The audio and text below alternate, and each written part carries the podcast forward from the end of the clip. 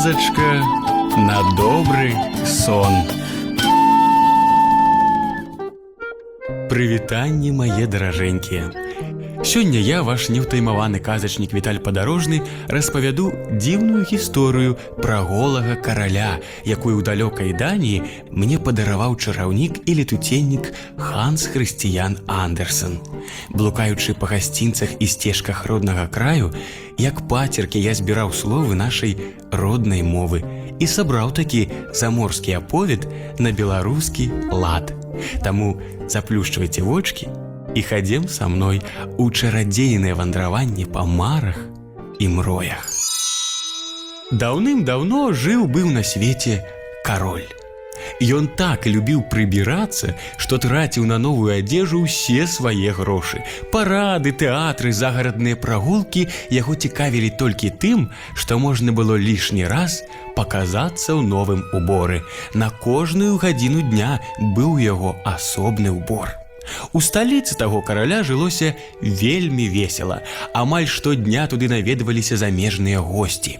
І вось аднаго разу прыехалі два ашуканцы. Яны выдалі сябе за ткачоў і сказалі, што могуць вырабіць такую цудоўную тканіну, якой не ведаў яшчэ свет. Нібыта яна, апроч незвычайных малюнкаў і расфарбовак, робіцца нябачнай для кожнага, хто не на сваім месцы, альбо безнадзейна дурны. Каралю спадабалася прапанова шуканцаў. Ён прыняў іх, даў багата грошай, загадаў тут жа ўзяцца за справу. Падумаў кароль: Вось гэта будзе ўбор. Адразу даведаюся, хто з маіх саноўнікаў не на сваім месцы, хто з іх разумны, а хто з іх дурань. Самазванцы майстры паставілі два ткацкія станкі і пачалі рабіць выгляд, што рупліва працуюць. А на станках, каб вы ведалі, ніякай пражы не было, хаця яны і патрабавалі для працы найтанчэйшага шоўку і найчысцейшага золата. Усё гэта хавалі ў кішэні, а самі праседжвалі за пустымі станкамі з ранку да ночы. Каралю вельмі хацелася паглядзець, якая ж тканіна атрымліваецца ў майстроў. Але ён прыгадаў пра яе чароўныя якасці і вырашыў праверыць свайго старога міністра. Падумаў пры гэтым: міністр разумны, з годнасцю займае сваё месца. Ён добра разгледзець тую тканіну. І вось стары міністр увайшоў у залу, у якой за пустымі станкамі сядзелі ашуканцы. Божа памілуй, падумаў міністр. Я нічога не бачу, але ўслых не адважыўся сказаць такое. Ашуканцы паважліва попрасілі яго падысці бліжэй да станка і сказаць, як яму падабаюцца ўзор і фарбы тканіны.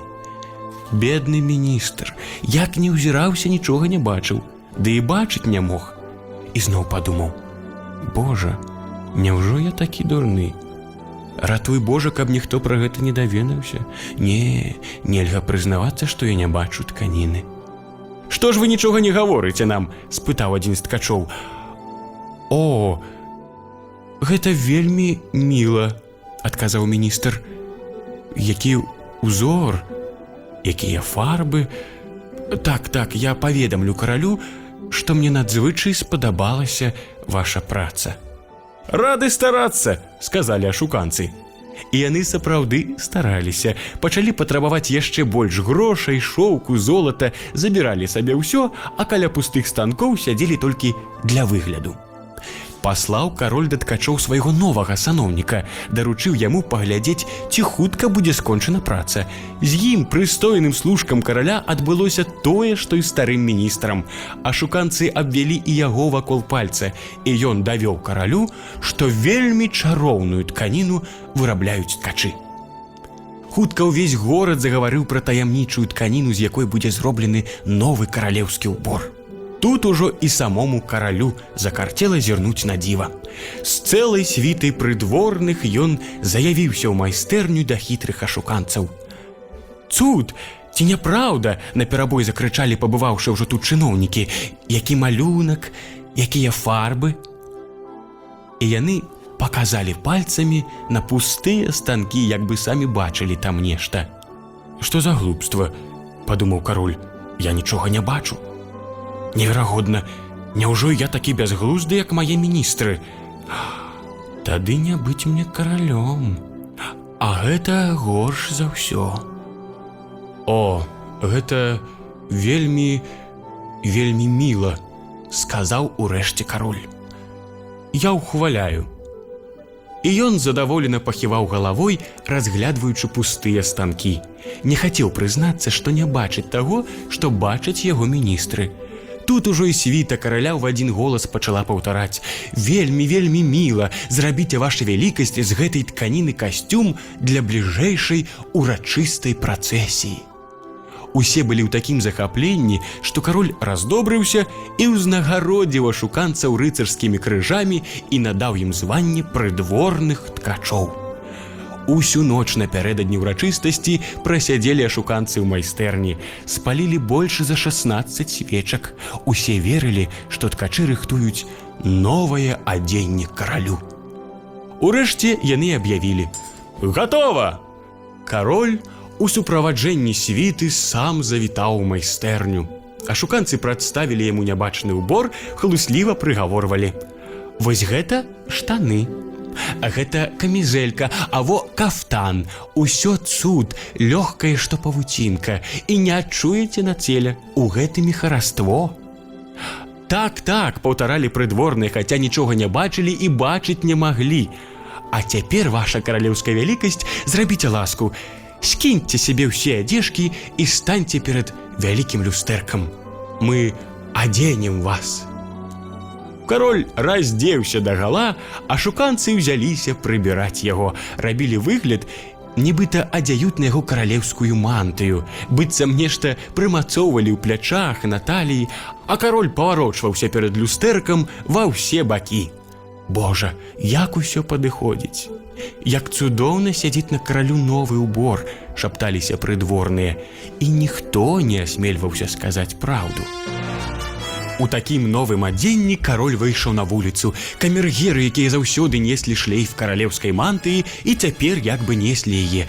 Усе людзі, як убачылі караля, на перабой загаварылі: Ах, якое прыгожае новае адзенне ў караля, як добра сядзець на ім, якая шыкоўная мантыя, ніво адзін чалавек не прызнаўся, што нічога не бачыць. Ніхто не хацеў прызнацца, што ён дурань, альбо сядзіць не на сваім месцы. Ні адзін касцюм караля не вы выклікаў яшчэ такога захаплення. Дык ён жа голы! — закрычаў раптам нейкі маленькі хлопчык. Паслухайце, Што гаворыць бязвіннае дзіцё, — сказаў яго бацька. Усе пачалі шэптам перадаваць адзін аднаму словы хлопчыка, Дык ён жа зусім голы. Во хлопчык кажа, што ён зусім не адзеты, закрычаў урэшце ўвесь народ і каралю зрабілася жудасна. Яму падалося, што народ гаворыць праўду. Але ж трэба было давесці ўрачыстую цырымонію да канца. І ён выступаў яшчэ больш велічна пад сваім балдахінам, парадным навесам, а камергеры ішлі за ім і прытрымлівалі мантыю, якой не было. Вось і скончылася наша чароўнае вандраванне.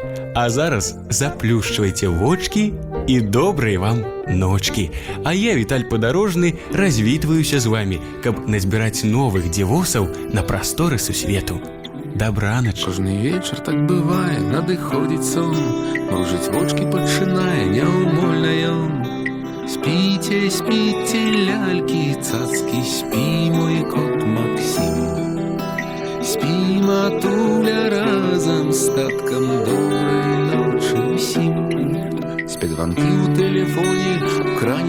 кране спіць вада, са здзіўленнем пакімоны сны свае глядзяць.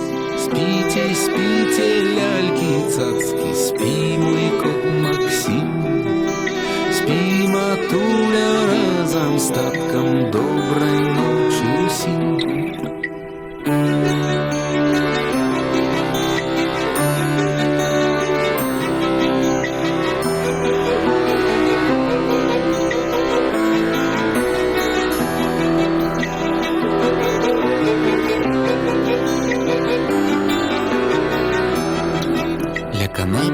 газета на сцяне портрет, Сам пануе непрыкметна паглынуўшы свет. Засынаюць лялькі і цацкі, спаць кладуся я. Спіць ужо нарэшце